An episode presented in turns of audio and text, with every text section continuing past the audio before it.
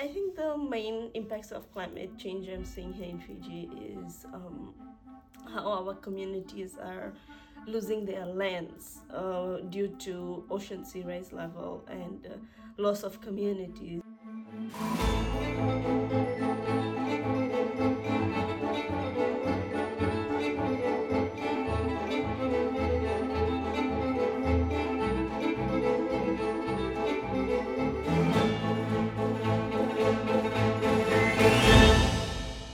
Velkommen til Over Stillehavet med UiB. Mitt navn er Simon, jeg studerer psykologi. Jeg heter Kiri, jeg studerer global utvikling. Og i dag så har vi en ganske spennende gjest som skal på podkasten. Yes, I dag skal vi nemlig få besøk av eh, Joanna, som lærer oss om eh, juss og om eh, UNCLOS, som er eh, ja, internasjonale avtaler og eh, lover og regler og normer eh, som handler om havet og klima. Ja, Det har vært skikkelig spennende å høre på uh, forelesningen hennes og lære om det. Men uh, før det, hva, hva har vi gjort på i det siste, Kiri? Oi, hva er det vi ikke har gjort, lurer jeg på. Eh, I dag eh, har det vært en veldig bra dag. Vi har jo hatt noen perioder nå med litt sånn varierende vær. Det har vært en del lyn og torden, faktisk. Den ene dagen som vi var på nattevakt, så var vi ute på stordekket. Eh, og så kom vaktlederen vår eh, og dro oss med under taket fordi at det lynte så mye. Eh, så det er liksom der det er nå, da. Ja, det er sånn, du, du blir litt redd for å ta i metallbitene i skipet i fare for at plutselig så slår det ned lyn og Det er akkurat det, og det er jo metall overalt. Så man må liksom bare stå og satse på at man holder seg på bena. Men vi har jo gjort mye annet rart også. Vi har begynt med litt sånn håndverksting og tang. Mm, ja, for uh, Janus, uh, uh, han ene vaktlederen her, eller nå er han uh, båtsmann, som er han som har styring på de som jobber på dagen her. han lovet oss når de gikk av i Tahiti, at han skulle kjøpe masse, masse stoff. altså masse greier til å lage kniver og belter. Mm. Og han skulle kjøpe canvas, så vi kunne lage, lage bager. Mm. Og jeg har store planer om å ta med seg alt dette når, når de mønstrer på igjen i, i Fiji. Eh, men det gikk ikke helt som det skulle. Det gikk ikke helt som det skulle, for der var det ganske mange ting og tang i bagasjen som forsvant. Yes. Eh, rett og slett en lost bag. Yeah. Eh, et kjent fenomen når man flyr lange distanser. Ja, så nå er det en eller annen bag med opptil sånn 100 knivblad som ligger eh, fortapt i eh, vet ikke, Mongolia eller noe. Ja, jeg har faktisk tenkt veldig mye på den stakkars personen som liksom åpner den bagen for å sjekke hva det er, og så er det bare psyko mye knivblader. Det er jo dødsskummelt. Og så eh, eh, er adressen fra Danmark, så det ja, kan du også si noe. Ja, men jeg eh, Altså, det endte vel opp med at det var For de hadde noen knivblader her, så det er noen som har fått lov til å begynne å lage kniv, men det var ikke nok til at alle kunne gjøre det. Um, så vi har jo satt i gang på en måte tre forskjellige prosjekter. Det er noen som syr eh, med canvas, som du sa, altså seil, da, er det ikke det? Ja, det er liksom et veldig sånn tjukt bomullsstoff som Ja. jeg tror de brukte til seilduk før i. Ja, for da er det flere som Altså, Pernille lager en hatt. eh, Det er noen som har laget en playsuit, altså en sånn jumpsuit med en kort. Mm. eh, og mange som lager bager. Eh, jeg eh, prøver meg på å lage et belte. Mm, to. sånn- Der er vi to. Der er vi to. Hvordan går det med ditt belte, egentlig? Eh, det går veldig fint. Jeg har så vidt begynt på det. Jeg har eh, eh, slått i noen hull, så jeg kan eh, få festet denne beltespennen på. Ja. Eh, ellers så har jeg ikke gjort så mye. Nei. Men det er veldig mange sånn kreative løsninger som, går rundt omkring. Blant annet så er det noen som har eh, Salma har jo farget beltet sitt i kaffe. Mm, jeg skal gjøre dette, eh, for det er jo et lærbelte. Eh, og det er ganske sånn lys farge på det. Eh, og eh, Selma og jeg som skal herme etter Selma, da, Mm. ville at det skulle bli litt mørkere. Eh, og da er det flere som har puttet, eh, puttet belte i kaffe, rett og slett. Mm, yes, så det, Eh, så det, jeg gruer meg litt til den lukten, for vi har ganske små skap. Eh, og det beltet som er dyppet i kaffe, må jo ligge i skapet mitt. Så det kommer til å lukte litt spennende. Ja, men nå lukter det litt spennende i de eh, skapene fra før. Jeg tror ikke man kan unngå det. Det er et veldig godt poeng, faktisk. Hva design har du sett deg for? Eh, jeg har lyst til å ha det så enkelt som mulig, egentlig. Og Nå har jeg pusset eh, på sidene med neglefil, uh, så det ikke skal liksom eh, rugle så mye av. Eh, og det er egentlig så langt jeg har kommet. Men det blir en liten spenne på ja, noe hull, da. Ja, det er fint. Ja, det blir bra. Og i hele denne prosessen så har det vært veldig gøy, for det, det er Janus, vaktlederen, og Jonas, som er sjefsingeniør her, som har instruert oss. Mm. Og det har eh, vært, eh, vært veldig spennende. Det er veldig spennende, særlig eh, når det er på dansk. ja, det, Mm. det, da blir det litt sånn mye smiling og nikking og Yes. late som man forstår ting som man kanskje ikke forstår. Ja, men det er gjennomgående på hele, hele skuten, egentlig. Man bare gjetter med. Ja, gjetter med. Hjerte det skal vi også gjøre når vi snakker med Johanna. Stemmer, stemmer. Jeg eh, personlig har jo ikke så veldig mye erfaring med juss. Nei, jeg har heller ikke så mye erfaring med juss, men jeg har jo en bachelorgrad i politikk. Eh, og da har vi jo hatt en del jusfag. Nei, det har vi ikke. Hvorfor sa jeg det? Det er ikke sant i det hele tatt. Men vi har hatt en del fag eh, som har eh, brukt mye juss, da. Eh, hvis man kan si det på den måten. Eh, så jeg syns det er kjempespennende med sånne FN-konvensjoner og sånne ting. Eh, og veldig spennende også å lære litt mer om hvordan jussen går inn i alt dette. Og det blir veldig gøy å høre med Johanna, som er en kjempeklok dame, hva Ja. hun har å si. Vi får høre. Yes.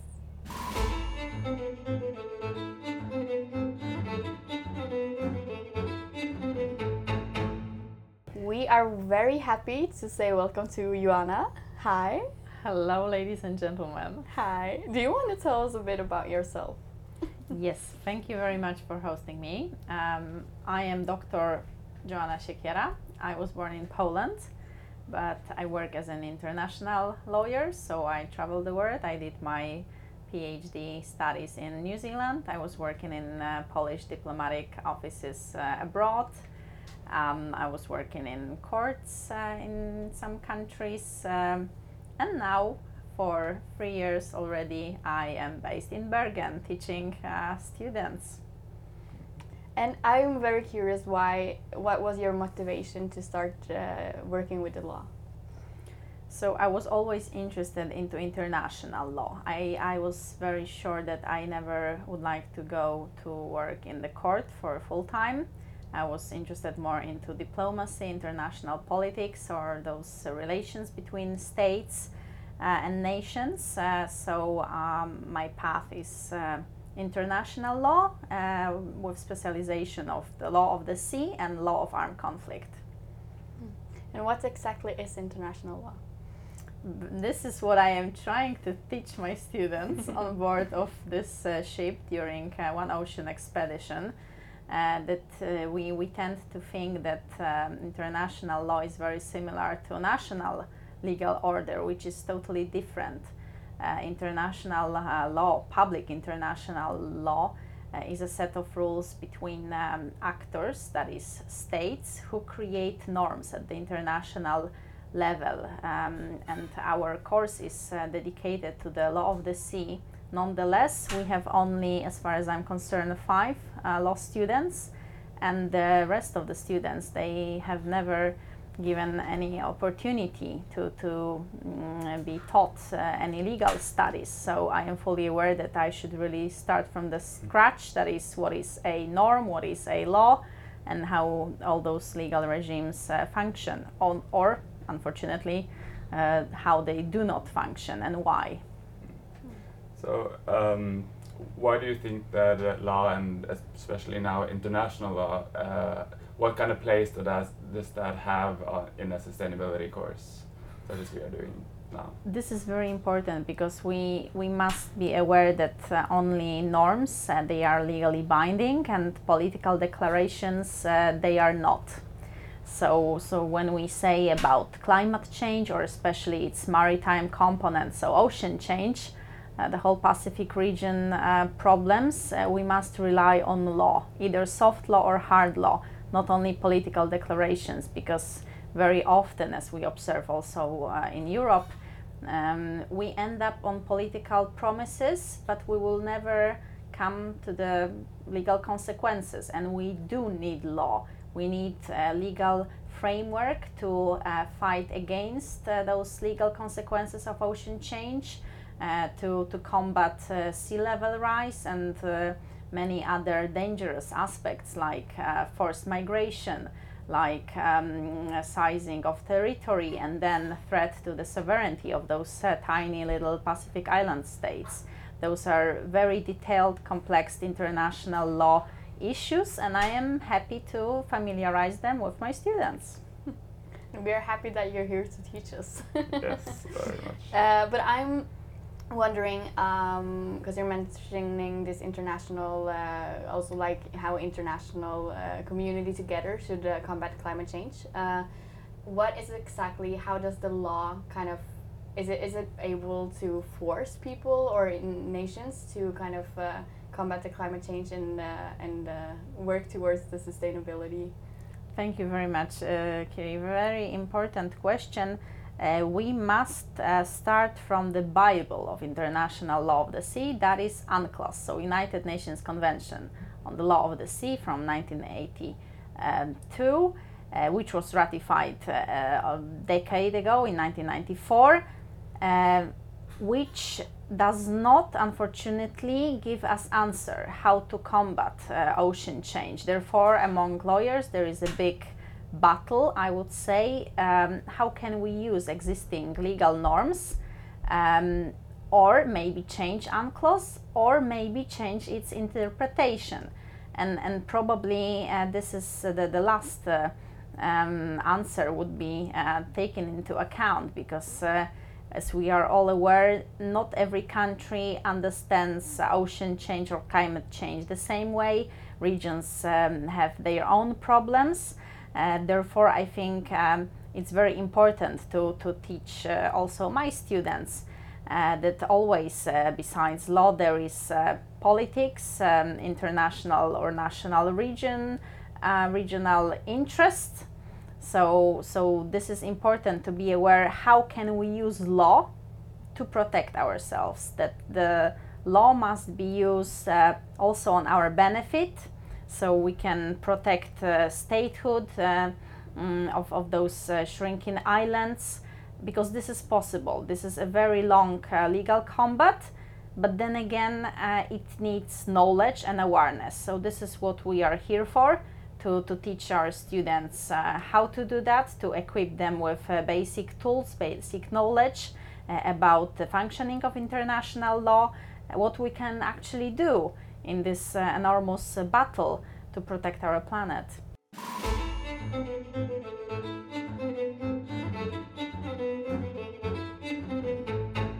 many people who study law uh, become lawyers, or, or some at least. And uh, how exactly can lawyers work with, uh, with this uh, question of sustainability? Well, and again, most lawyers um, they deal with national law, either criminal law or, or, civil law in different branches, like for example, family law. But when it comes to international level, international lawyers they they work either uh, inside the United Nations in in New York, exactly on the interpretation of UNCLOS, or they come up with different ideas, like we've been observing in the Pacific, that those countries they they started to interpret UNCLOS in a way that they could protect their interests on the regional level. So I think, according to my research, which I've been um, yeah doing for for already three years, uh, it's the fact that it's better to secure their needs at the regional level via uh, IGOs uh, in the Pacific instead of pushing the international consensus because we all know that this is very hard to achieve the unanimity at the universal level. Therefore, we are observing now, ladies and gentlemen, a change, so pivot in international law that instead of fighting for the global consensus, we observe those Pacific island countries that they are sitting down, they are doing their negotiations, and they started to secure their exclusive economic zones. So de jure, they're actually statehoodness by submitting their boundaries, maritime boundaries, to the United Nations International Law Commission. So, therefore, from the legal point of view, they can feel safe and secure because they've already um, accomplished those requirements given by the UNCLOS. So no matter what will happen to those uh, islands, islets inside the territory of each and particular state, uh, their territory will not change regardless of the change of the sea level rise. So the law is in the process of making, and we are wit- witnessing this. Yes, because the, the small island Pacific states, uh, as we have learned a lot during this course, are kind of like in between these huge powers. So, how do you think like uh, each individual state can can vouch for their own interests in uh, facing huge powers like China and uh, America and uh, Russia and in Australia? Thank you very much. Yes, thank you for noticing that. So, according to researchers, 21st century is the Pacific century. This region is gaining geopolitical importance from Euro-Atlantic region. So now we've been observing that all eyes are on the Pacific, and again, those islets, um, tiny little islands here, they have their own vote. So each state in the Pacific possess uh, possesses one vote in the UN. So that's a big legal power to vote for or against some resolutions. Um, and when it comes to, to power, superpower from so called Pacific Rim, so all those um, giant uh, superpowers uh, around the borders of, of the Pacific, they of course will try to um, integrate their um, policy uh, towards Pacific uh, island states. They will try to somehow send their financial help, sometimes military help, uh, because they know how big their uh, seabed resources are. Still, technology is not yet developed to do this um, seabed mining, but everyone knows that once the technology will be so advanced, then we might experience world war for resources. Uh, because as I teach uh, my students, uh, uh, the high sea is the area of the common heritage of humankind. So everyone has the legal access to those resources. Yet we know that people unfortunately are greedy. Countries, um, of course, they want to get the most benefits for themselves. Therefore, this is very important. So those uh, those states here is, uh, in the Pacific, they would be 100% sure that they will remain uh, stable and, and safe regardless of how much technology will uh, move on. And how do you think? Uh, how do you think the like the law? No, sorry, the war on these resources. Is it possible to avoid it?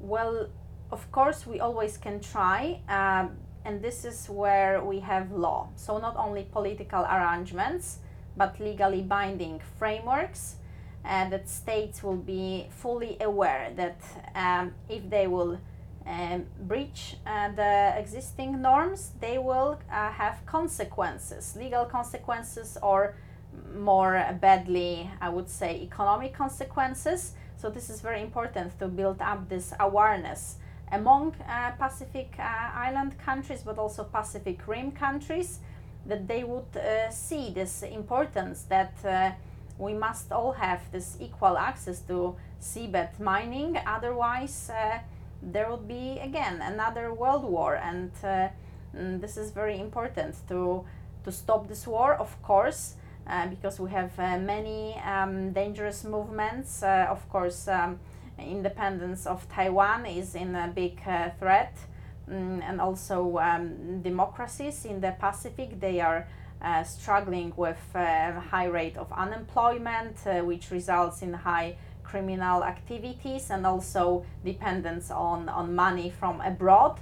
So unfortunately, this reason is uh, this region, sorry, is very idealized by us. We tend to think that those uh, countries are some kind of paradise, but unfortunately, this is not true. They are very poor. They are fully dependent either on former colonies or new allies uh, now, uh, which can be really dangerous for their statehood.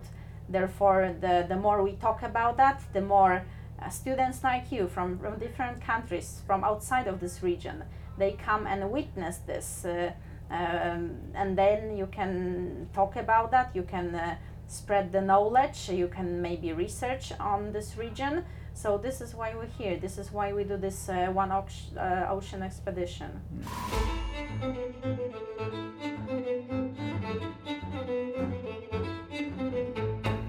You've been talking about and that we've uh, talked about in the course previously about uh, nations being threatened by sea level rise and and being under the threat of completely disappearing because of sea level rise. And you you have brought up this like this law dilemma of of how do um, do these nations then have jurisdictions over the ocean areas that now has uh, been submerged, or how do we solve that? What are your thoughts around it? Well, of course, um, I was analyzing this situation from many different uh, angles. This is Mm. uh, what uh, University in Ber- Bergen is paying me for. Uh, so, so ladies and gentlemen, we can either or. So, option one is hard law or soft law mechanism. Hard law would be changing uh, UNCLOS or writing another treaty. But then, as, as um, you, my students, already know, um, drafting UNCLOS took decades, then another decade to ratify, and even until now, the largest maritime power, that is the US, has never ratified. So it's anyhow binding for uh, for the US, while other countries, uh, other states like Russia and China, they do not follow the, the norms uh, existing um, in the UNCLOS. So the question would be rather should we move to soft law mechanisms or rather uh, arrangements between uh, those countries in, in the Pacific themselves that they uh, also in their legal culture they, they never had this uh, way of uh, writing um, norms. They uh, have been using custom and customary legal um, norms. So so maybe that is the reason which is functioning better that again one size doesn't fit all. So i do believe that the answer lays in uh, the way how those states combat their um, their problems themselves. And the rest of the world us the west can only help but we should not uh, uh, you know impose our mechanism because uh, in our mind we, we can easily uh, have this parallel to colonial times that uh, western countries also came and uh, imposed law religion um, and, and other uh, customary issues. So so perhaps now this is time to give uh, the voice to those in need. Do you feel like um, the West or the uh, developed countries have some sort of moral obligation for this, the Pacific region being like the front line of climate change?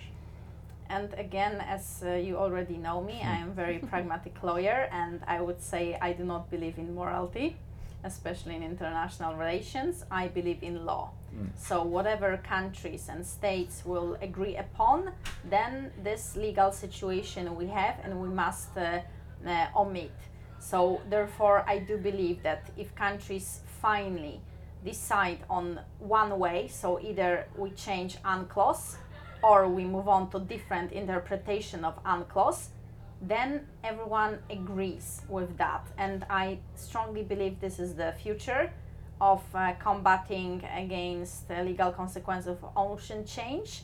But again, we must talk. It's, it's not that uh, we see the problem and we expect it will be solved. No, this is the long uh, process of legal negotiation, of um, writing down all um, possible outcomes. Uh, should we do it uh, via political agreements or uh, regional arrangements, or maybe try to uh, write a resolution at the United Nations um, mm, level, which I'm, I'm sure that it will not uh, pass anyway because of uh, some some other countries not being directly involved or interested into ocean change. So again, being pragmatic, we should focus on um, the, the most probable solutions. Uh, so mainly regional, regional uh, combating regional arrangements, uh, uh, which would be binding for those those countries. And I was just wondering because we're speaking about uh, international agreements and problem solutions, and uh, sustainable development goals is in many ways a, a way to try to uh, solve a lot of problems that we have in the world. Uh, but in the same way, these came as an answer to uh, the Millennium Development Goals uh, and kind of answers to the, the MDGs, the Millennium Development Goals that we didn't uh, manage to achieve. Do you think we will make it this time? Thank you for, for this uh, very knowledgeable question. I'm always impressed uh, uh, about your guys' uh, knowledge, how, how deeply you are prepared and, uh, and you are really engaged in, into the subject. Uh, so, again, uh, sustainable development goals are not norms, they are not law per se. They are political wishes. I wouldn't say wishful thinking because it's a bit further in narrative but again, from the pragmatical point of view, I would say this is the basis. Those are pillars on which we can build on. And this is a very good start. And again, without them or previous Millennium Development Goals, we we would not go that far. Of course, there is a lot to do.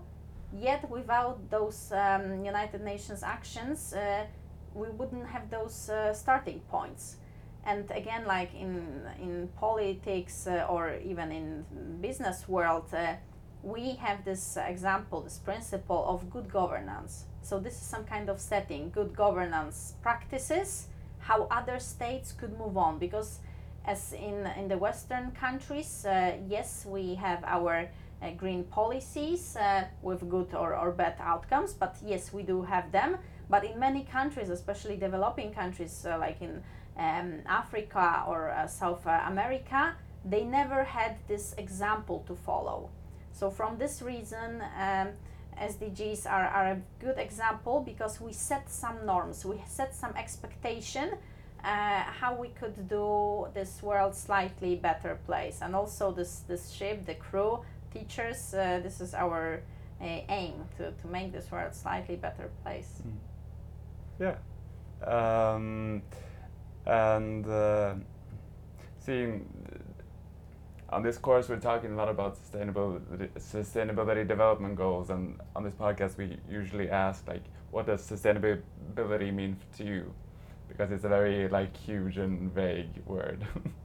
Yes it is. And again as a lawyer i would say we do not have definition. Mm. we don't have any legal terminology.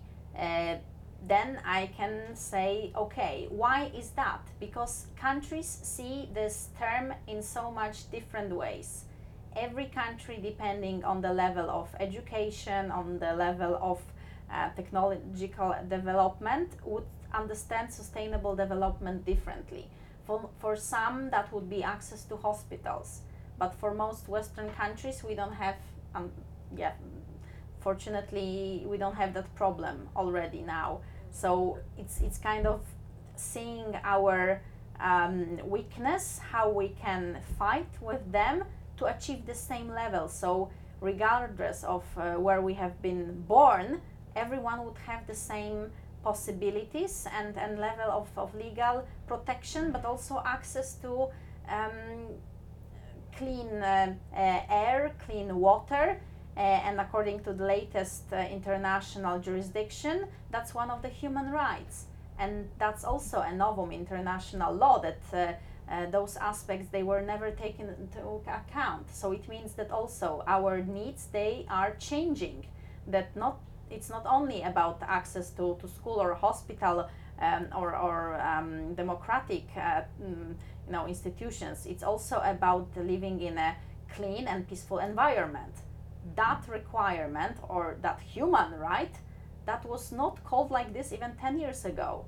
So we already see that uh, law is in the making. It's a process. It's a very long process. It requires change in doctrine. It requires change in um, lawyers' thinking, understanding this. But again, we come back to the basis. So we always, as I say, begin from beginning. This is what we do here. We teach students because you guys create this new generation of people coming back to your homes, to your countries, to your friends. With this knowledge, you are equipped and you can move on. So, so I'm very happy and proud to be on board here with you guys. And with that, I think uh, we can end it. Yes. Thank you so much for coming today, Johanna. Yeah, it's been a really wonderful conversation. Thank you, guys. I'm very proud what you are doing. I'm happy to be on this podcast. Thank you. Thank you.